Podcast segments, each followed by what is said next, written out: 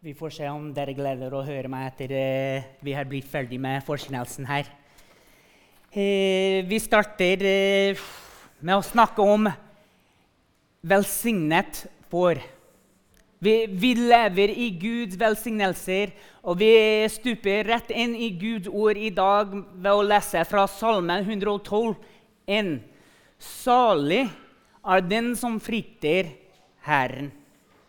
Og det vil si å lovprise Gud. De som lovpriser Gud, de som beundrer hvem Gud er, og det han får til, det han gjør i livet ditt, det han gjør i hele verden. Liksom, Vi lovpriser han, og vi er velsignet til å være og bli en velsignelse.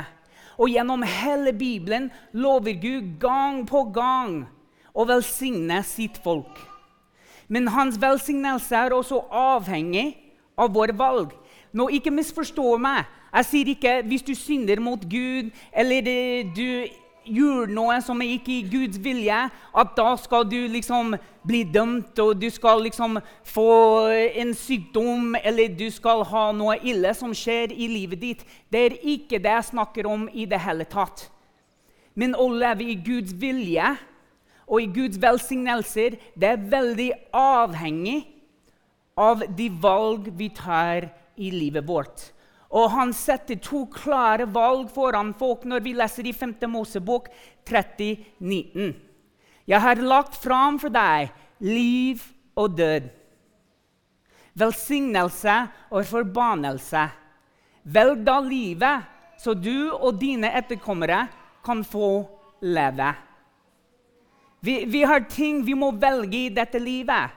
Skal vi leve etter Guds vilje, skal vi leve i Guds velsignelser, dvs. Si at da velger vi liv.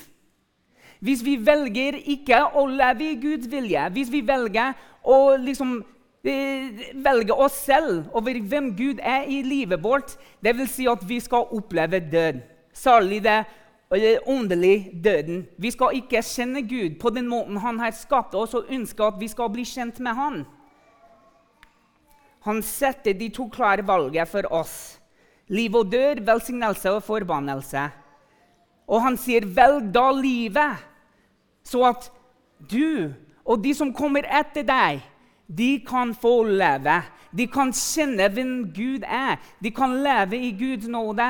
De kan bli kjent med Jesus. De kan få eh, de, de velsignelser som kommer med det livet. Og 5. Mosebok i Det gamle testamentet det inneholder en liste over velsignelser og en liste over forbannelser eh, som eh, var direkte knyttet opp mot om man valgte å adlyde Gud eller å være ulydig mot ham. Og Du kan lese det som sagt, i 5. Mosebok 28-14. Det skal vi ikke bruke så mye tid på her i dag.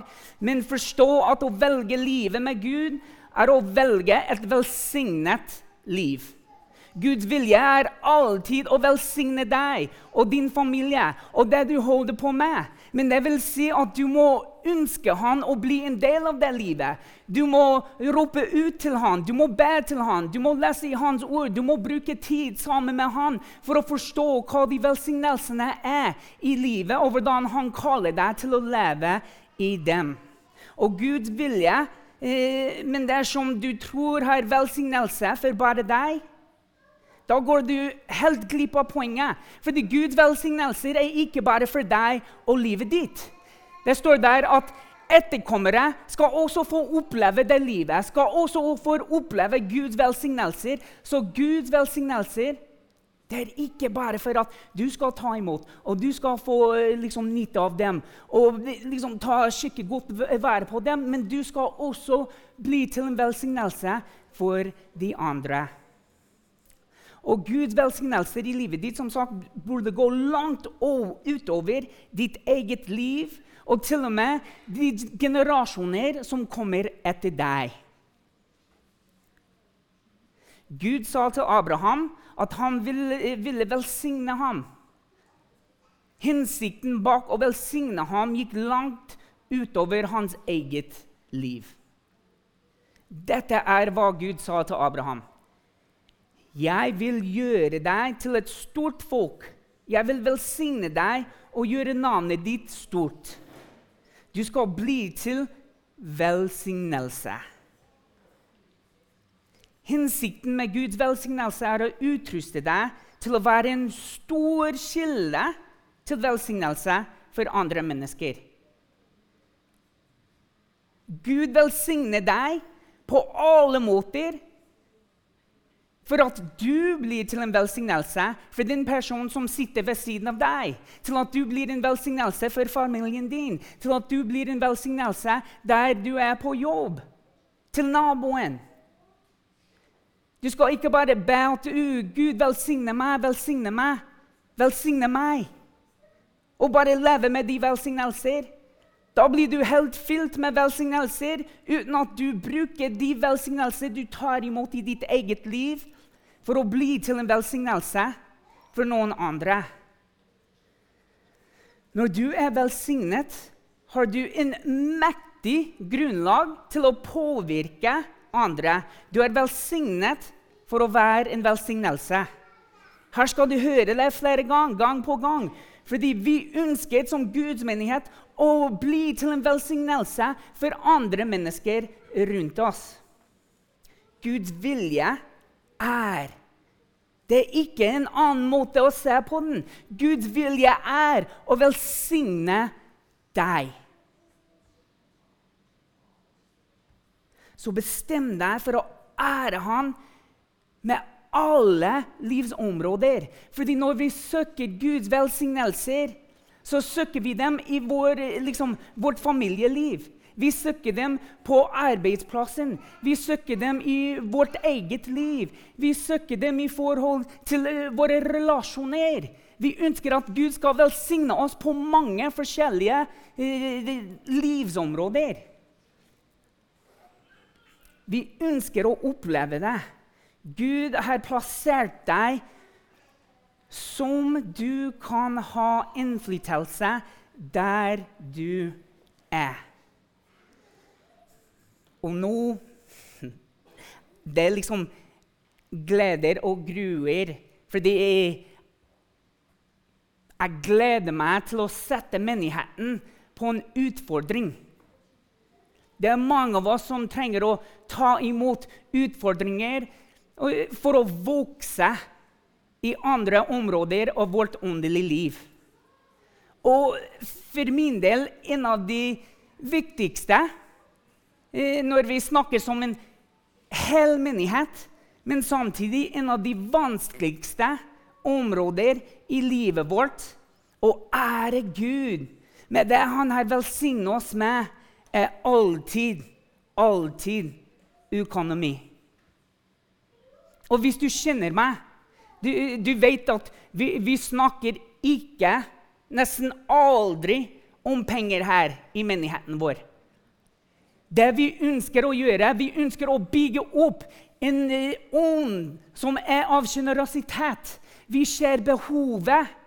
Vi trenger ikke å snakke så mye om det, fordi vi vet hva Gud har satt oss ut til å gjennomføre, hvordan vi skal gjennomføre, hvorfor vi skal gjennomføre det. For å være sjenerøse mennesker, akkurat som Jesus Kristus var sjenerøs med oss og mot oss. Ga oss liv. Vi har tatt imot liv. Hva er det som står der? Velg da livet, så du og dine etterkommere kan få leve.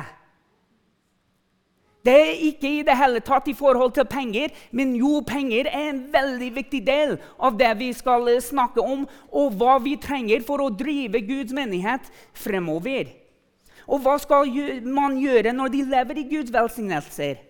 Vi skal leve et liv som bekrefter først og fremst at vi er velsignet. Og at vi skal bekrefte for andre at vi lever ut fra de velsignelser som Gud har gitt oss. Og et annet av Guds løfter er at du vil ha velstand og rikdom i ditt hus. Jeg vet at det finnes eh, de som ville være mer komfortable med å si at ja, det finnes rikdom i hjertet. Det er kanskje noe som er litt mer personlig, og vi trenger ikke å bruke midler på det samme måte som når Gud Eh, lover oss at du skal ha rikdom i huset ditt. Sier ikke at du skal bli kjemperike mennesker og at du skal eh, liksom, ta imot masse penger og så bruke masse penger. Det står at du skal få rikdom i huset ditt. Du skal få alt du har behovet for. Alt blir dekka, og at du skal leve ut fra de velsignelser.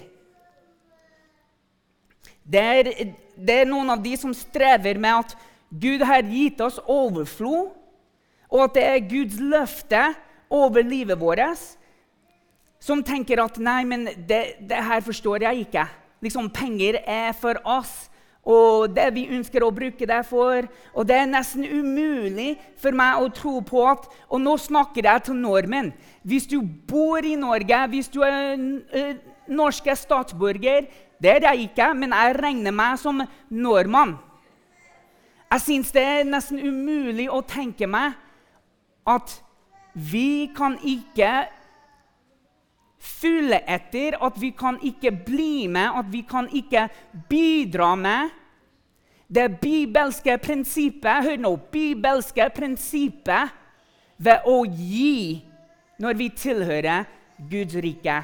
Og jeg skjønner at det er folk som sitter her i dag som er ulike situasjoner. Det er ikke alle som har masse. Og Derfor skriver vi på den collect-sliden hvis alle gir litt, så blir det masse. Som menighet vi er ikke ute at du skal gi masse penger. Vi er ute at du skal gi hjertet til Gud og si vet du hva, jeg vet at jeg ikke har alt. Jeg vet at jeg ikke har masse penger, men jeg vet at jeg har litt. Jeg vet at jeg ønsker å prioritere deg, Gud, i forhold til den delen av livet mitt. Vi kan ofte tenke at vi har bare nok til å overleve denne måneden. Eller at det er ikke det viktigste å gi til Guds menighet nå. Kanskje du har opplevd i livet ditt at du har gitt en gang til Guds menighet, eller du var en trofast giver, og så ble pengene misbrukt, og da tenkte du aldri igjen. Det har ingenting med liksom bygget eller huset Det har alt å gjøre med hjertet, og at du skal være lydig til Gud og gi til Han det som Han har velsignet deg med. Og da tenker du nei, men akkurat nå er det ikke så viktig at jeg gir til menigheten. Jeg tenker på meg selv først. Kanskje du vil helst gi til noen eh, annen organisasjon. Kanskje du vil ikke gi til menighetsarbeidet som drives her i Pekko. Tanken kan også være at du ikke trenger å gi, fordi noen i familien din de allerede gir. Så da regner du som eh, en del av det, og du har fått fritak fra å gi eh, som, eh, til Guds rike. Eller kanskje du har en tjeneste, og du mener tjenesten din er hvordan du gir med sjenerøsitet. Nå kommer noen veldig praktiske spørsmål som vi kan virkelig begynne å tenke på.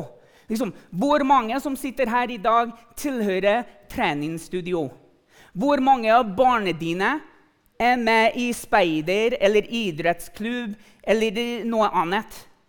kulturskole, hva, hva enn det er. Liksom, jeg kan allerede eh, ta opp hånda og si at det er meg. Det er livet mitt. Hvem her er medlem av NAF? Det, det, det er meg. Man må betale til dem i minst hvert år. Hvor mange betaler regninger hver måned? Hvor mange drar ut og spiser av og til, eller på kino? Kanskje noen andre morsomme aktiviteter?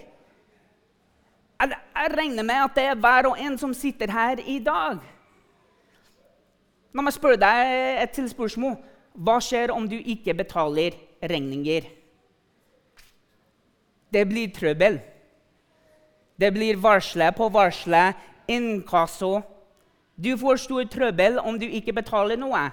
Jeg har en regning som sitter på bordet akkurat nå fra DNB fordi jeg har ikke betalt livforsikringen mine. Og det er veldig, ting, veldig viktig ting man skulle betale. Men hva skjer om jeg ikke betaler? De skal avslutte med livsforsikring, og da går regninga til inkasso. Hva skjer om du ikke betaler avgiften som er knyttet til idretten eller klubben som du eller barna dine tilhører? Du er ikke med dem lenger. Du får ikke benytte alle aktiviteter og de greier som de har tilbudt deg og familien. Det blir trøbbel til og med du ikke stiller opp og betaler. Du kan ikke dukke opp på kino uten billett. Du må betale for maten du spiser når du går på restaurant. Jeg skjønner hvor viktig det er å holde på med sånne ting. Men vi må begynne å prioritere og tenke liksom Hva er nå? Og hva er det som skal alltid være? Det er at vi skaper miner for oss og de rundt oss. Og vi ønsker å ta vare på andre. Vi ønsker å gi til andre organisasjoner. Vi ønsker å liksom spare noe penger for oss selv. Men er det ikke sant at vi tenker kanskje akkurat nå og det som skal alltid være? Det som kommer etter oss, de som kommer etter oss. Vi må begynne å tenke fremtiden, ikke bare nåtiden. Og vi kan ikke la fortiden påvirke hva vi gjør nå, og hvordan vi ser på fremtiden. Jeg vet viktigheten med å la barna tilhøre andre grupper og miljø. Fordi da får de oppleve andre arenaer hvor de kan uttrykke seg selv, hvor de kan bygge tryggheten, hvor de kan få nye venner som de kan også begynne å ta med til kirka. Men likevel koster alt. Det koster penger. Vet du hva skjer når du ikke gir til Guds menighet? Hva skjer om du tenker nei, jeg skal ikke gi noe til Guds menighet? Absolutt ingenting. Ingenting! Det kommer ikke noe krav. Du blir ikke liksom, sendt til inkasso. Det er ingen her som blir sint fordi du ikke gir. Du får tilgang fortsatt til alle tilbud som menigheten har. Du blir eh, behandlet akkurat som den samme personen. Si meg et annet sted hvor det skjer. Du kan ikke, fordi det fins ikke. Det er bare Guds menighet som gir man frivilligheten til å uttrykke seg på den måten at de sier vet du hva, Gud, jeg skal ære deg med alt jeg har. Fra mine ressurser til min hjerne, til mitt hjerte, til min kropp Alt skal jeg bruke for å ære deg. Du får, du får alle fordeler, som sagt. Alle blir møtt med samme åpne armer, fordi vi som menighet vi vil bli til en velsignelse. Gud har velsignet oss rikelig for å bli til en velsignelse for hver og en av dere som sitter her i dag. Uansett du kommer en gang iblant, eller du kommer eh, hver eneste søndag. Alle får møte åpner armer når de kommer gjennom inngangsporten.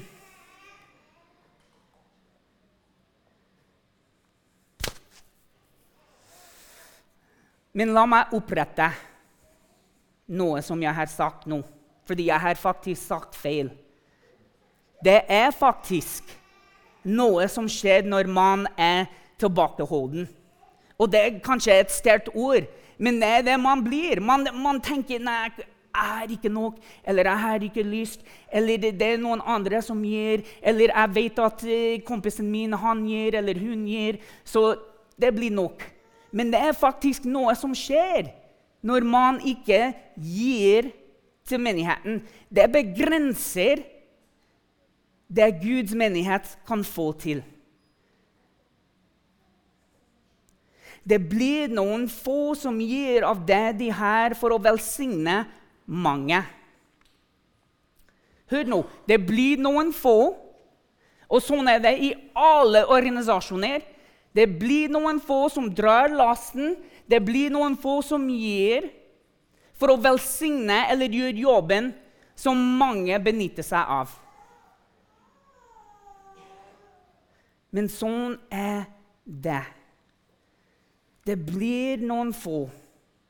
Men vi ønsker ikke at det skal bli få. Vi ønsker at det skal bli mange. Vi ønsker at det skal bli mange som gir litt, slik at det blir masse. Vi som menighet må virkelig strekke oss langt. Vi må virkelig strekke oss langt for å tjene på en frivillig basis. Hvis du ser rundt, det er flere som strekker seg langt fra et område til et annet område til et annet område i forhold til det frivillige tjeneste her i menigheten for at alt skal gå rundt. Si meg en annen organisasjon som er basert bare på frivillighet og drives så mange ting som Pentekirka. Jeg bruker bare oss nå fordi dere kjenner til oss og hva vi holder på med. Selvfølgelig er det store organisasjoner som har mange flere folk, men vi tenker på oss her og nå.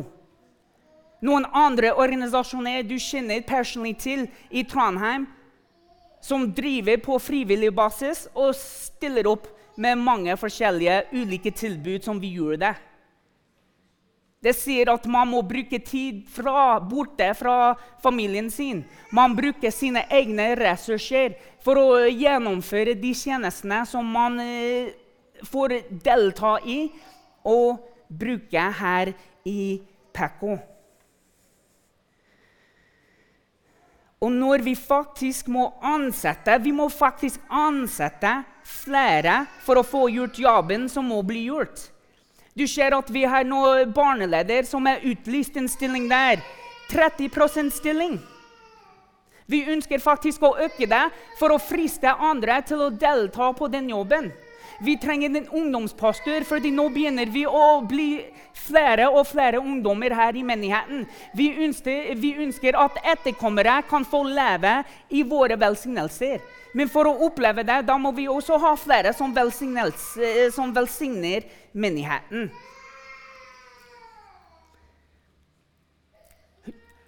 Jeg kan huske det, det har vært en gang i livet mitt at jeg bare hadde nok til å overleve fra måned til måned.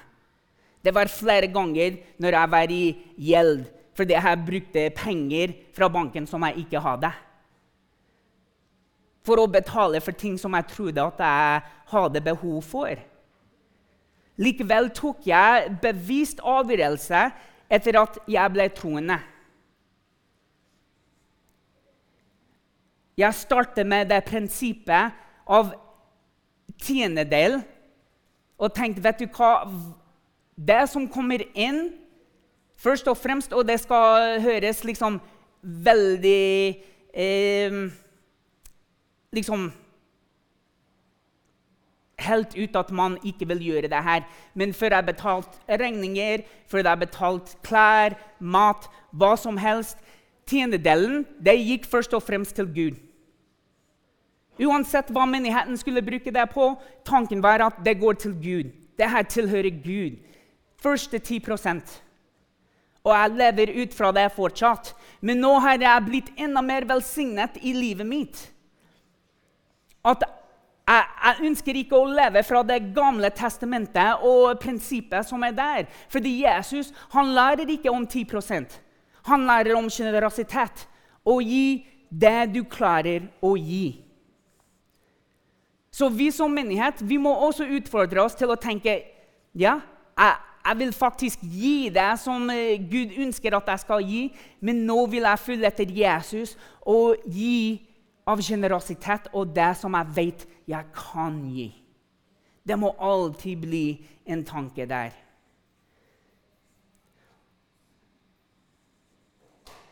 Og det her det handler om prioriteringer. Og jeg vil velge alltid å være Gud først og fremst med mine økonomiske velsignelser og avgjørelser. Og dette er ikke sånn en prosperity gospel. Jeg sier ikke hvis du gir penger til kirka, så får du masse penger tilbake. Det er ikke det jeg sier i det hele tatt. Og dere ser hvordan vi lever her i menigheten vår. Dere ser hva kommer inn, hvordan vi bruker pengene. Den dagen jeg dukker opp i Tesla Model X, den, eh, som er veldig bra, med en eh, sånn eh, Gucci-suit og alt mulig, da kan du begynne å liksom stille spørsmål om hva er det pengene våre går til. Hvorfor gir vi penger til den menighet når pastoren går i liksom 5000 kroner buksa og sko som koster 10 000 kroner? Aldri! Vi ønsker å bli velsignet for å bli til en velsignelse for andre mennesker. Og det inkluderer hver og en av dere som sitter her i dag, og deres barn og deres barn og deres barn. Fordi menigheten er ikke en ting som skal bare være her nå. Menigheten er noe som skal bære seg langt i fremtiden, når vi er langt, langt fjernet fra denne verden. Å gi noe i livet ditt er først og fremst til menigheten du går trofast i, eller til og med mellom av, er noe viktig. Det er viktig fordi du tilhører noe som er mer dyrebart enn hva du ser foran deg, og hva du tenker du ikke har nok til. Det er viktig fordi med det man gir, det som er gitt, er en investering i Guds menighet. Det er en investering i hans velsignelser i livet ditt. Det er en investering i neste generasjon som følger etter Gud. Det er ikke bare et gangs beløp for å få god samvittighet.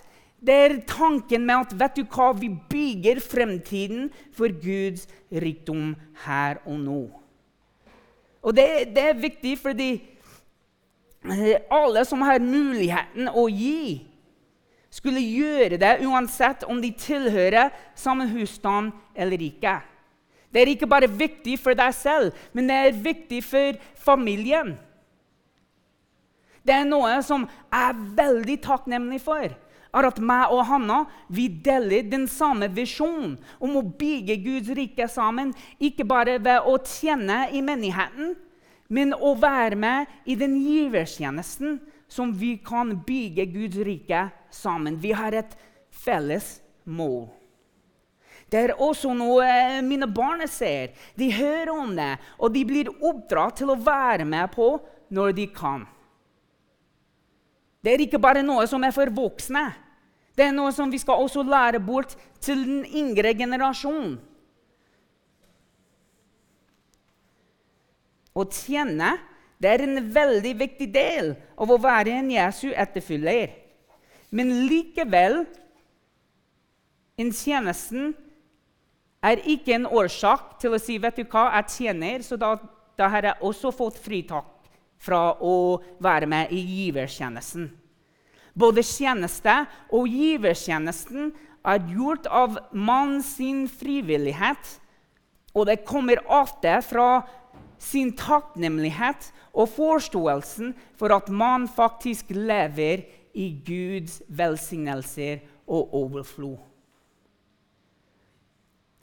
Og jeg vet at uh, det som jeg sier nå det, Jeg kan få kritikk for det. Og jeg har veldig tjukk hud som tar imot kritikk. Men samtidig snakker jeg ikke bare som pastor. Jeg snakker som etterfyller av Jesus Kristus. En som lever ut fra det jeg snakker om og deler her og nå. Du får lov til å sitte, høre, kritisere meg for denne type tankegang. Likevel forandrer det ikke behovet Guds menighet her for din økonomisk gave. En sannhet er en sannhet, uansett hvordan du sier det, hvordan du ser på det. Sannheten er alltid en sannhet. Uten penger er det vanskelig. Som en kirke, bedrift, familie å fullføre de målene Guds rike som er i hjertet ditt. Du har ting du ønsker å oppnå. Du har drømmer som du ønsker skal gå i oppfyllelse. Men noen ganger må vi prøve å kombinere våre drømmer, våre tanker, med Guds menighet, slik at vi kan drive hans rikdom og arbeid fremover. Noen kristne strever med tanken om å være velsignet fordi de antar at rikdom og grådighet er to sider av samme sak. Men det er ikke det. Vår himmelske Far, lik enhver kjærlig forelder, er ikke imot at hans barn skal bli rik og velsignet. Men husk at rikdom bare er en side av et liv i overflod. Det går lenger i materielle goder. Johannes skriver, 'Min kjære, jeg ønsker at du på alle vis får være frisk og ha det godt, like godt som du har det åndelig.' Like godt som du har det åndelig.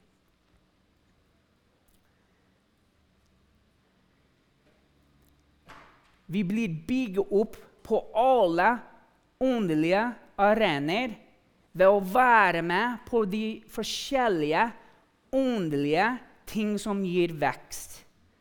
Bønn, bibellesing, tjeneste, omsorgstjeneste. Og det inkluderer givertjeneste. Vi trenger skikkelig å bli utfordret på det her. Og jeg sier det ikke sånn at jeg kjefter på menigheten, fordi det gjør jeg ikke.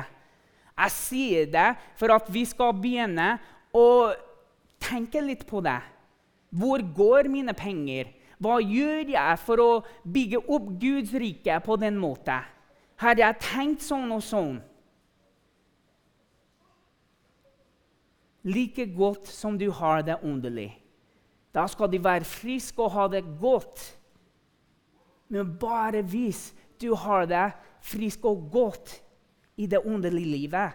En virkelig fremgangsrik person ønsker Guds fylde i hvert område av sitt liv og forstår at Gud ønsker å velsigne dem slik at de kan velsigne andre. Vi ønsker at dere kan velsigne menigheten, slik at vi kan velsigne andre mennesker. Og som Jesus sa i Johannes 10,10.: 10, Tyven kommer bare for å stjele, drepe og ødelegge.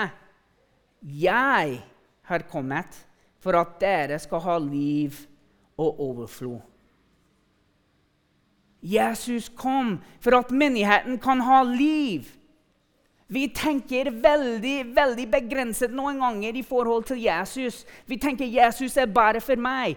Jesus har kommet bare for meg. Jesus har kommet bare for å frelse meg. Men Jesus har kommet for hele verden. Jesus har kommet for hele menigheten. For at vi skal oppleve liv, og at vi skal leve i hans overflod. Gud ønsker at du skal ha fremgang i hvert område av livet ditt. Både fysisk, og åndelig. Han gleder seg over å velsigne deg fordi, eh, fordi du ut fra din overflod og dine velsignelser, som kommer bare fra Han, og som flyter gjennom deg, kan bli en velsignelse for andre mennesker. Jeg gleder meg til eh, mange tilbakemeldinger. og eh, kommentarer. Men jeg syns det er alltid viktig at vi får gi penger, økonomi, sin plass i Guds rike. Jeg, jeg ønsker at vi skal leve i Guds økonomiske velsignelser for hans menighet. Dette er ikke en forkynnelse som er liksom at jeg prøver å presse deg til å gi er ikke ut etter penger. Menigheten er ikke ut etter penger, uansett hva du tenker du har hørt i dag. Gud er ut etter hjertet ditt. Gud er ut etter at du skal ære han, at du skal stole på han, at du skal gi han tilliten til å styre hvert del, hvert område av livet ditt. Noen ganger må vi bare slippe rattet og tenke vet du hva? Gud skal styre det her, og han skal hjelpe meg. Jeg bare trenger å prioritere han først og fremst. Vis meg veien fremover, Gud. Hvordan skal jeg gjøre det her? Husk, hvis alle gir litt, så blir det masse. Og alle blir til en velsignelse for de som sitter ved siden av deg, til de du kjenner utenfor disse veggene, og for Guds rike. La oss reise oss opp. Nå skal vi ære Gud med lovsang, prise Hans navn. Det er bare Han som kan gi oss sanne velsignelser velsignelser da, som er ikke bare her og nå, men skal bare og være langt i fremtiden. Slik at de som kommer etter oss, skal leve på våre bønner. Slik at de som kommer etter oss, skal leve av våre velsignelser. Takk deg, Jesus, for at du har lært oss hvordan å følge etter deg. Og at det er en prosess som vi lærer fortsatt. Og vi ønsker å følge tett på deg den hellige ånd veileder oss gjennom de neste dagene. Hjelper oss med våre tanker, hjelper oss med eh, vår helse, hjelper oss eh, med våre relasjoner. Gud, vi takker deg for at du her velsigner oss, slik at vi blir til en velsignelse for deg, for andre, for din menighet. Gud, hjelpe oss til å gi litt av det vi har økonomisk, til deg og ditt rike slik at vi kan eh, drømme større, slik at vi kan velsigne flere. Slik at vi kan bekrefte for andre at det du har gitt oss, bruker vi for å velsigne andre mennesker. Takk deg, Jesus, for at du kommer alltid først i livet vårt. Takk deg, Den hellige ånd, for at du gir oss styrke, for at du gir oss frimodighet, og til, du, eh, til og med at du gir oss mot for å velge deg, Gud, først i livet vårt. Hjelp oss her og nå til å begynne å prioritere din menighet. Både når det gjelder tid, tjeneste, givertjenesten, og hvordan du ønsker oss å være med her og nå i dette arbeidet. Takke deg for at du elsker oss, Jesus. Amen.